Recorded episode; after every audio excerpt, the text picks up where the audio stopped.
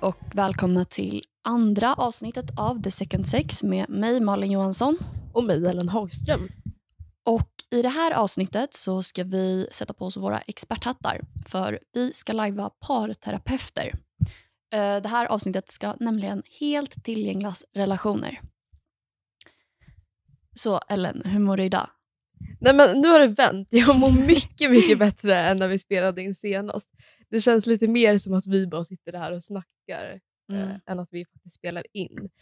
Dock våndas jag fortfarande kring det faktum att det här känns som den ultimata formen av narcissism, att vi har en egen podd. Så här, vilka tror vi att vi är som så sitter och koketterar om våra liv på det här sättet? Jag känner lite samma inför vår podd som inför personer som lägger ut sin Spotify Wrapped på Instagram. just det, det, det är så jävla narcissistiskt. Speciellt för att visa upp då att man lyssnar på lite unik musik som egentligen inte är så unik. Typ så Frank Ocean eller Lana Del Rey. Det känns som en överrepresentation av Frank Ocean-fans som lägger ut sånt. Men snäppet värre då än att vara Frank Ocean-fan och sedan lägga ut sin Spotify Wrapped på Instagram är ju att vara vi. ja, det är fan sant. Men, men det känns ändå som att det som räddar oss, det är ju, eller ja, förmildrar omständigheterna, det är att vi är tjejer. Eh, för så här, vi må ju ha en podd, men vi är i alla fall inte två snubbar. har jag håller med. Jag håller med. Ehm, men, men hur tycker du att reaktionerna har varit på det första avsnittet? Alltså jag har fått två reaktioner som så sticker ut. Ehm, den första från min mamma. Och, och Min familj står ändå för kanske 20% av lyssningarna, så de blir väldigt viktiga i det här sammanhanget som är vår podcast. Ehm, och Mamma då, hon var ju ett stort fan av dig, inte så mycket mig. Då sa hon till mig så här, ja du hittade en kompis som är väldigt intellektuell, vad mycket hon kunde. Så här, jätteintressant att lyssna på. Medan recensionen av mig var liksom att du borde nog inte dricka nästa gång, du blir så himla fnissig. Eh, så jag hoppas att, eh, på att redeem myself lite då, i familjen här, med det här. Ehm, och Sen fick jag en annan reaktion från min killkompis som skrev till mig och tyckte att The Second Sex lät som namnet på Margaux nya erotiska novell. Har du någon comeback till det? men usch, först blev jag bara så smickrad. Gud av din mammas ord, det var nog det snällaste jag fått höra 20, 2021. Typ. Ehm, men alltså, jag har också fått höra att vårt poddnamn eh, är erotiskt. Alltså, jag, jag, jag tror jag fick höra typ att, att det låter som titeln på en porrfilm. Typ. Two girls, one podcast. Fast frågan är dock vad fan man har kollat på för, för porr i så fall. Men, ja, nej, men det är ändå kul tycker jag att vårt namn ger lite erotiska konnotationer för det passar ju rätt bra in på dagens tema. Ehm, för ja, nej, men det är väl lite sex och samlevnad nu vi ska snacka om. Fan vad sex och samlevnad inte ger erotisk konnotation. ja, nej men sant. Men vi har ju varit och lurkat på internet igen eh, för att hitta de allra mest vedertagna teorierna för samtida dating och relationer. Um, så nu tänkte vi köra lite theories debunked.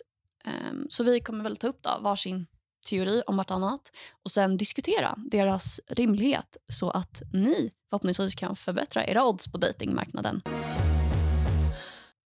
Så den första och en av de mer vedertagna teorierna som vi ska prata om idag är kompensationsfaktorn. Och Då säger Fredde i Solsidan att om en är ful och en är mycket snyggare, eller som Fredde säger, om det finns en relativt stor diskrepans i utseendepoäng mellan parterna i en relation, så måste det finnas en kompensationsfaktor såsom pengar, makt eller begåvning som rättfärdigar den då annars irrationella matchningen. Mm. Och Jag tänkte ge lite exempel här på personer som jag tänker har mycket kompensationsfaktor. Och Den första jag kom att tänka på var Hugh Hefner som styrde Playboy Mansion i flera decennier och alltid hade unga snygga playboys vid sin sida trots att han själv stod med så en fot i graven. Pitbull, som jag tror är den som får ligga mest givet sitt utseende. Och ett lite mer aktuellt exempel, komikern Pete Davidson. Mm. Och för er som inte vet vem det är så kan jag passa på att bildgoogla as we speak. Som då dejtat en rad attraktiva kvinnor i Hollywood såsom Ariana Grande, Kaya Gerber och nu då Kim Kardashian. Och Då pratar man mycket om att många faller för hans humor som då faktiskt är en bevisad kompensationsfaktor. För en av Storbritanniens största dagstidningar, Independent, har man då sammanställt olika saker som tjejer bevisat går efter. Då jag har valt ut några då som bekräftar kompensationsfaktorn. Och killar, det här tycker jag ni ska anteckna. Så den första faktorn är då hög status, Mm. där en studie bekräftade att en lyxigare lägenhet i bakgrunden på Tinder ger fler högswipes. Oj, men det känns ändå rätt förvånande. För så här, Spontant så tycker jag att så här, posera framför en sportbil eh, på, sin, på en Tinderbild ger lite red flag. Ja, jag vet. Det känns verkligen som att där måste man ha fingertoppskänsla Ja. om man ska lyckas med det. Nästa faktor är då ålder. Där det tydligen finns en George Clooney-effekt som gör att äldre män signalerar ett finansiellt oberoende. Extremsport är också bevisat då. Eh, Och Det är något som tillskriver det gamla jägare-samlare-samhället. Då det visar på någon så här kontrollerad riskbenägenhet. Att köra extremsport är alltså vår version av att vara kung på savannen. Alltså Jon Olsson typ. Och sen parfymerad deo. Och den här kan jag verkligen skriva under på, för jag tycker typ att Axe är det som doftar absolut bäst på killar. Ja, men verkligen. Fan, ni behöver verkligen inte köpa dyra Byredo-parfymer. ju. Men jag, tror, alltså, jag köper verkligen det här och jag tror att eh, det stämmer för tjejer också. För är det inte så att killar främst går igång på typ så här, Victoria's Secret Coconut Passion egentligen? Jag som doftar så här extremt tjejigt och vi har ju testat det här lite empiriskt på killar i vår Mm. omgivning också. Det verkar ju funka. Ja, shit. Egentligen är det ju skit och värt eh, för den anledningen att köpa någon liksom Giorgio Armani C-parfym. Precis, så att så här, killar springer till Axe och tjejer springer till Victoria's Secret. Och sen sist men inte minst då så hundar funkar Mhm. också. Det klassiska hundtricket fungerar. Mhm. Shit, det här känns nästan som lite farlig information dock för, för killar. För risken finns nu att det börjar poppa upp eh, fem hundbilder på rad liksom, i ens Tinder-profil. Precis, eller att någon springer runt med en massa cocker spaniels liksom, Ah. på stan. Måtta är ledordet. Precis. Men vad tycker du då om kompensationsfaktorn? Jo, men alltså så här, som teori köper jag ju den absolut. Och det känns ju också som att så här, ja, men, som handelselev så har man ju möjlighet att använda den ultimata kompensationsfaktorn att ha eh, handels i sin Tinder-biografi. Verkligen. Annars så kan man ju liksom så här, en universell eh, kompensationsfaktor är ju bara då att så här, dejta någon yngre. För då blir åldern automatiskt eh, en kompensationsfaktor. Men jag tänker som tjej då, för att rent spontant så känns det ju inte som att varken du eller jag skulle kunna springa till Ekporten på Handels och ta en bild och lägga ut på Tinder och lyckas med det. Nej, och det finns ju inte heller några kvinnliga pitbulls. Liksom. Eh, men alltså, det är väl egentligen, inte för att vara sån, men så här, ja, för vi lever fortfarande i ett patriarkat. Och tjejers status på datingmarknaden styrs ju så himla mycket mer av eh, utseende. Så det finns ju inte ett så brett utbud av kompensationsfaktorer för tjejer. Så, så, så är du ful som tjej så är du tyvärr i dagens läge enormt mycket mer fucked eh, dejtingsmässigt än, än en ful kille. Um, men så här, motsvarigheten till att skaffa en kompensationsfaktor som kille är ju att så här, typ skönhetsoperera sig som tjej. Det där tror jag stämmer eh, väldigt mycket bättre än man vill inse. Jag Mm. tänker om man cyklar tillbaka lite där till Solsidan så känns det ju Mm. extremt mycket svårare för Mickan att skaffa en kompensationsfaktor. Nej men verkligen. Eh, och liksom så här, en medelålders bankertjej kommer ju inte landa en het influencersnubbe i 20-årsåldern oavsett hur tät hon är. Eh, alternativt så kommer hon fast uppfattas som helt sjuk i huvudet. Och detsamma gäller då influencersnubben ju. Ehm, att vara liksom lite halvful men ändå ta sig fram på att bara vara skön eller rolig som kille uppfattar jag hyfsat enkelt. Uh, men att vara halvful som tjej och då profilera sig som rolig eller skön, det innebär liksom att man måste vara så himla rolig. Mm. Så, så här, sammanfattningsvis så kan vi säga att så här, ja, vi köper den här teorin men framförallt då för det manliga könet. Ja, verkligen. Ja, och eh, nästa teori som jag tänkte ta upp är Stacy och Chad. Eh, och det är då eh, incel-communityts teori om den sexuella dynamiken i samhället. Och eh, den går ju då basically ut på att 20% av alla män ligger med 80% av alla kvinnor eh, i ett samhälle. Då. Eh, och de här 20 procenten av män Eh, det är alltså de snyggaste, mest karismatiska och mest alfaaktiga snubbarna eh, som kallas för chads. de får liksom ligga hur mycket som Mm. helst. Eh, det är liksom sportjocksen i amerikanska high school-filmer. Det är Troy Bolton i High School Musical eller Thad i Blue Mountain State. Ehm, men grejen är ju då den att 80% av alla tjejer kan bara tänka sig att ligga med chads. Eh, så resterande 80% av män eh, de får slåss om de resterande 20 procenten av tjejer. Ehm, och incelsen de anser då sig själva vara de 10 procenten av män längst ner i den här hierarkin eh, som inga tjejer kan tänka sig ligga med. Eh, så därav är de alltså ofrivilligt celibata. Aj, aj, aj. Men jag tänker då, så här, vad gör jag som incel? Alltså, ponera att jag bor på, på 4chan, jag mår skit, jag tycker jättesynd om mig själv och jag känner liksom ett enormt förakt mot det kvinnliga könet. Vad gör jag då? Använd en kompensationsfaktor. Nej men, eh, alltså så här, till exempel vadå, dejta någon yngre, börja något program på KI och skriv läkarstudent i din Tinder-profil. Ehm, för vi, alltså fan, ja, vi har ju gjort stora, stora samhälleliga framsteg för jämställdhet. Eh, men incelsen kan ju fortfarande ta vara på deras eh, manliga privilegier att använda en kompensationsfaktor för att dejta någon hyfsat OK trots att man kanske råkar se ut som ett träsktroll. Ehm, för alltså, mm, Man kan ju säga vad man vill om feminismen och att den har gått för långt och så men det finns ju få kvinnliga träsktroll som får ligga med snygga killar. Så, kompensationsfaktorn alltså. Det är så här, vårt generella Ja. råd till incels. Ja. Men finns det bara liksom så här, alltså, jag tänker typ att det framför allt finns manliga incels. Men det måste ju finnas kvinnor också som lever i ofrivilligt Mm. eller? Jo, men absolut. Alltså, jag tror typ att det finns lika många kvinnor egentligen som lever i ofrivilligt celibat. Eh, men som, som incel-kvinna kanske inte hänger lika mycket på Reddit-forum och skriver av dig. Ehm, men jag tror liksom att incels generellt har funnits i alla tider. Ehm, det är bara det att idag i, liksom så här, i och med den, sexuella, den fria sexuella marknaden och en ökad jämställdhet så är vårt värde så himla förknippat med vårt sexuella kapital. För att förr i tiden så hade ju män automatiskt en status via bara att vara en man. Typ vara liksom en familjefar, ha, en, ha ett jobb, en inkomst, eh, vara en patriark. Liksom. Eh, men i och med att jämställdheten i samhället har ökat och kvinnor har fått tillgång till samma positioner eh, i samhället så har ju det eh, försvunnit Det eh, är för männen. väldigt sant. Alltså, så här, även om man inte får ligga som kvinna idag så får man i alla fall rösta. Man har liksom vunnit Ja, mark. precis. Vi har ju vunnit mark medan vissa män ju då liksom har förlorat mark.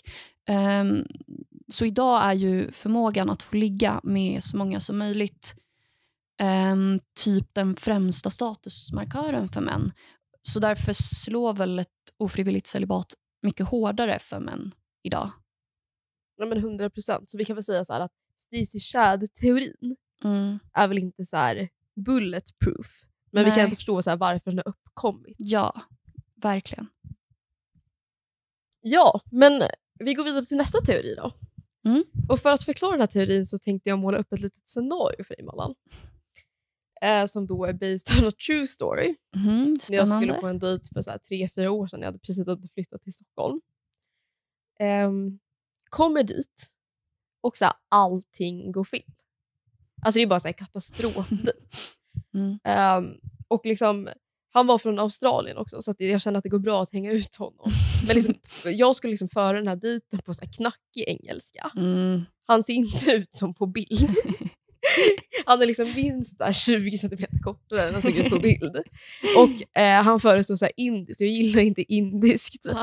Så det är så här, det går bara, Fan, allting går bara, osexig Ja, mat att käka första dejten. det går bara dåligt och det är så stelt. Och typ, så här, det finns typ inga bord på den här restaurangen heller. Så vi sitter på så här, Ah. typ, trappavsats. Alltså, det, är så här, det är jättekonstig stämning verkligen.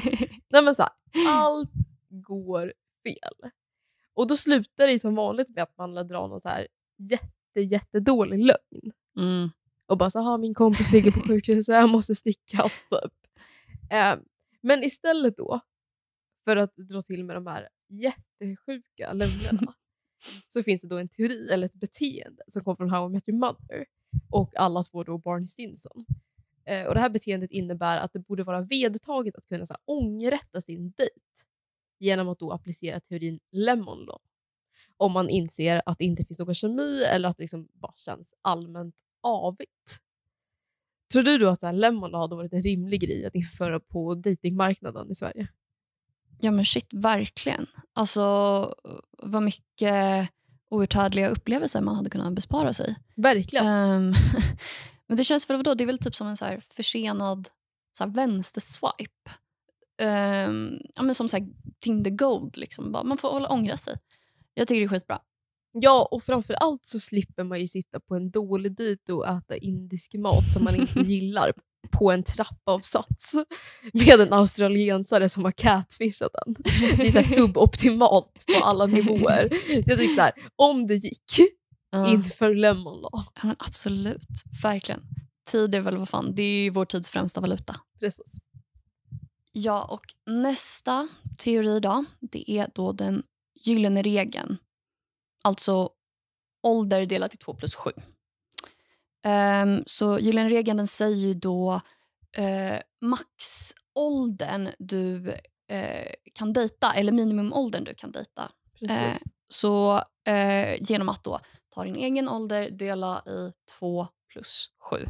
Eh, så om du är 15, då får du som lägst vara tillsammans med någon som är 14 och ett halvt. Men om du är 30 så, så får du som lägst eh, vara tillsammans med någon som är 22. Eh, alltså är det äldsta som vi hade kunnat vara tillsammans med eh, 30.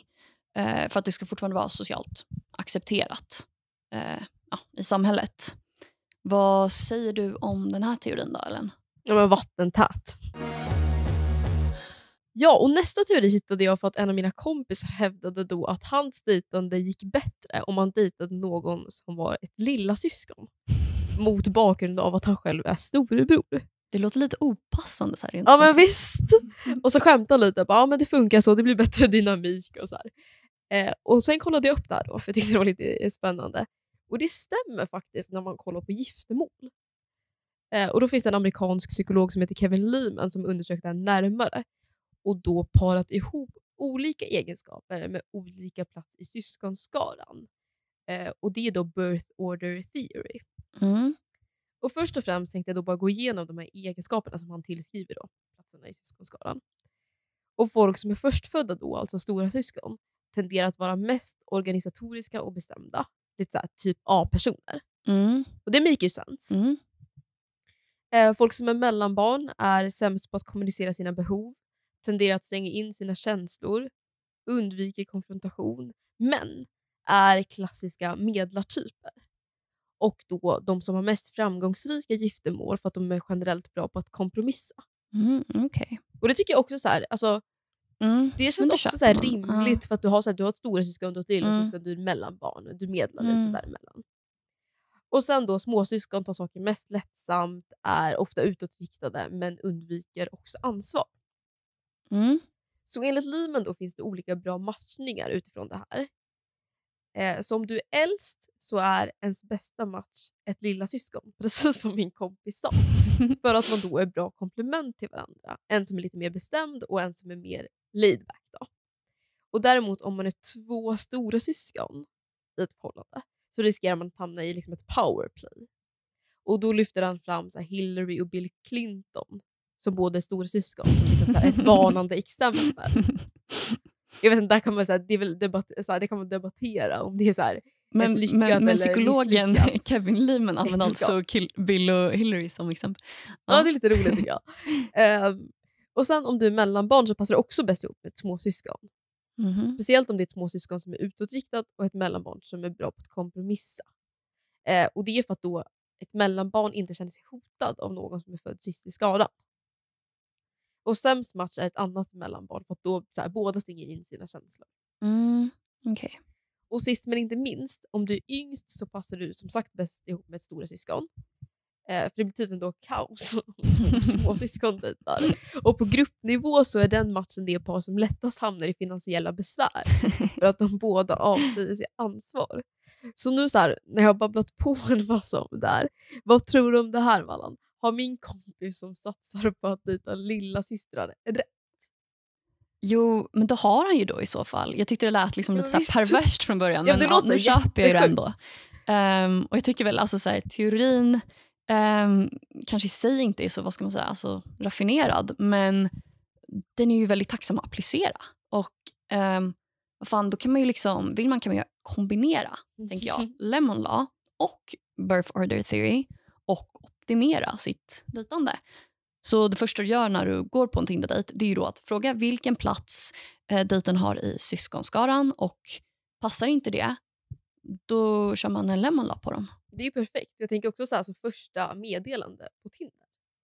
Alltså det Skitbra raggningsreplik. Att liksom Mm. så här, och, och klura på så här, vad ska man skriva. Då är det bara så här, vilken plats i syskonskaran är du på? Ja, absolut, det Och känns verkligen en som följdfråga. att alla vill svara på det också. För man gillar ju liksom att prata om sig själv. Visst, det är en icebreaker med psykologiskt liksom, stöd. Mm.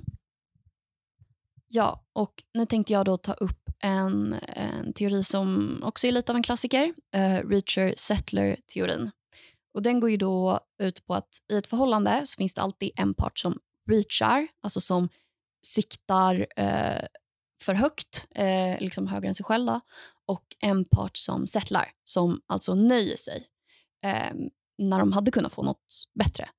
Eh, och när jag funderade på det här eh, så tänkte jag på att män spontant känns eh, mer bekväma att vara reachers och tjejer settlers i, i ett förhållande.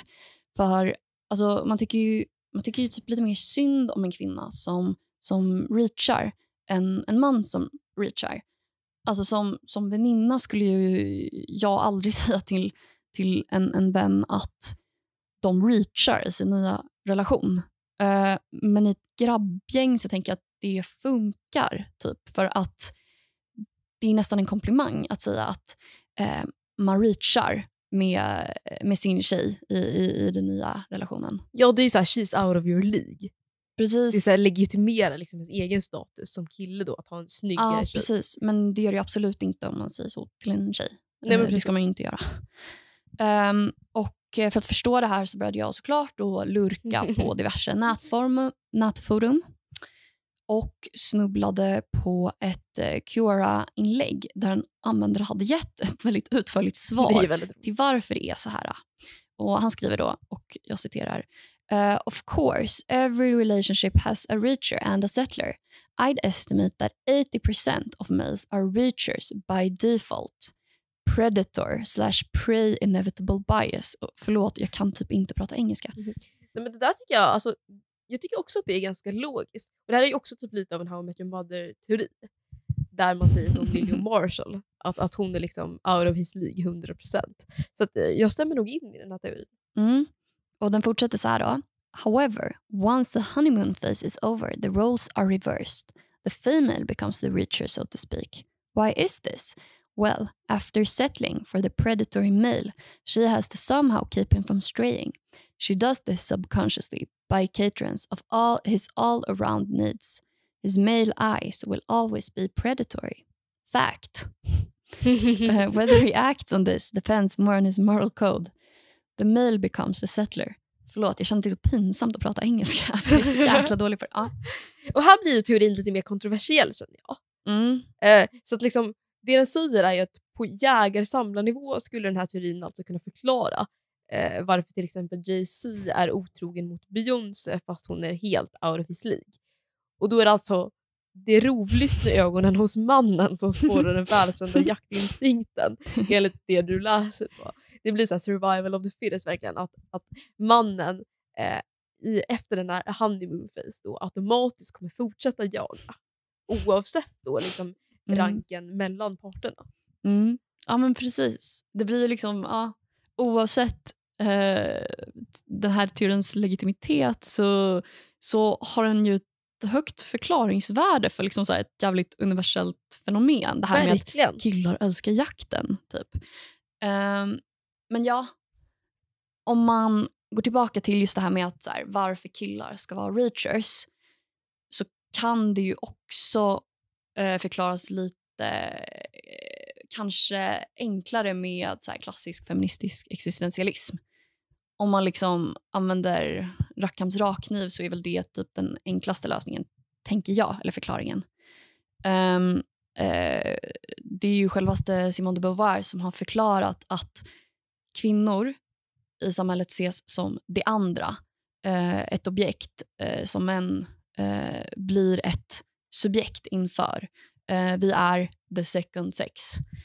Ehm, I ett förhållande så blir ju kvinnans attraktivitet alltså en spegling av mannens status medan det istället är kvinnans kapacitet attrahera mannen som blir deras egna självvärde.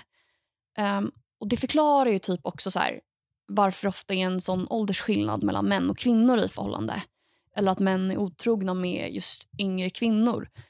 För att som kvinna så värderar vi eh, den känslan av att vara åtrådd av män. Medan män då eh, värderar sig själva efter deras kapacitet att få En snygg kvinnor. tjej, liksom. Ja. Och det är superintressant. Så det här är ju kanske en teori som så här, den förklarar väldigt mycket. Mm. Eh, men den är inte så praktisk. Nej. Eh, och framförallt är den ju nattsvart. ja, det är mörkt. Det är riktigt Eh, mörkt. Det är så. Men den är ändå Eh. intressant tycker jag. Verkligen. Ja, då går vi vidare. Eh, och nu kommer en teori som heter Men are like cabs från Sex and City. eh, där då Miranda menar att killar är som taxibilar och inte som Charlotte säger då att man möts av ödet. Så nu ska jag också ge mig på lite engelska då. och då säger han så här. Men are like cabs. When they're available, their light goes on. They wake up one day and decide they're ready to settle down, have babies, whatever, and they turn their light on. Next woman they pick up, boom, that's the one they'll marry. It's not fate, it's dumb luck. Um, alltså att det handlar mycket om timing. Så ett modernare exempel skulle vara Hailey och Justin Bieber.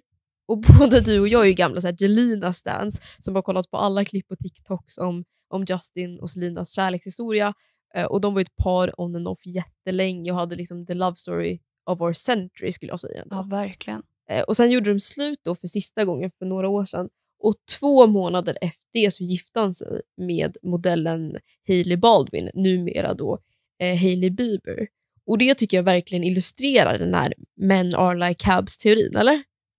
Ja men verkligen, det tycker jag. Man tvingades liksom fundera på det här eh, just när man när, eh, när Justin Bieber gifte sig med eh, Hailey tycker jag. Ja, varför var liksom inte han och Selina endgame? Mm, och det här tycker jag, som du säger, det förklarar ju faktiskt det. Och det känns också så här att det finns något tröstande i tanken att det inte finns den rätta eh, som man liksom borde gifta sig med och skaffa barn med. Eh, utan att det egentligen handlar om vem man är tillsammans med i just den perioden i livet och det lämpas, eh, lämpar sig att skaffa barn.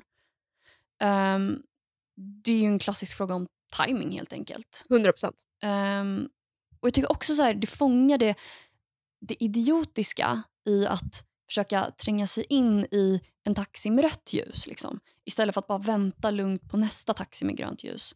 För det är ändå så liksom då att amen, killar är ju bara vandrande rödljus majoriteten av sitt liv. Och då är det liksom ingen idé att försöka omvända dem till gröna ljus. Utan då väntar man eh, på, en, på nästa taxi. Ja, för någon gång kommer det ju bli så här, alltså right person, right time.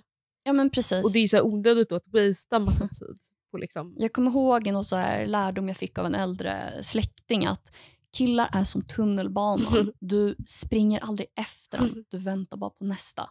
Precis, och det är liksom en annan tolkning av det här. Mm. Så jag tycker ändå att den här är praktisk, den är bra. Mm, den är bra.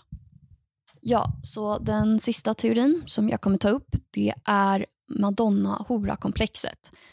Och Det var då Freud som fann att eh, män ofta hade svårt att se en och samma kvinna som föremål för både romantiska och sexuella begär och att man därför delade upp eh, kvinnor i älskad och älskarinna.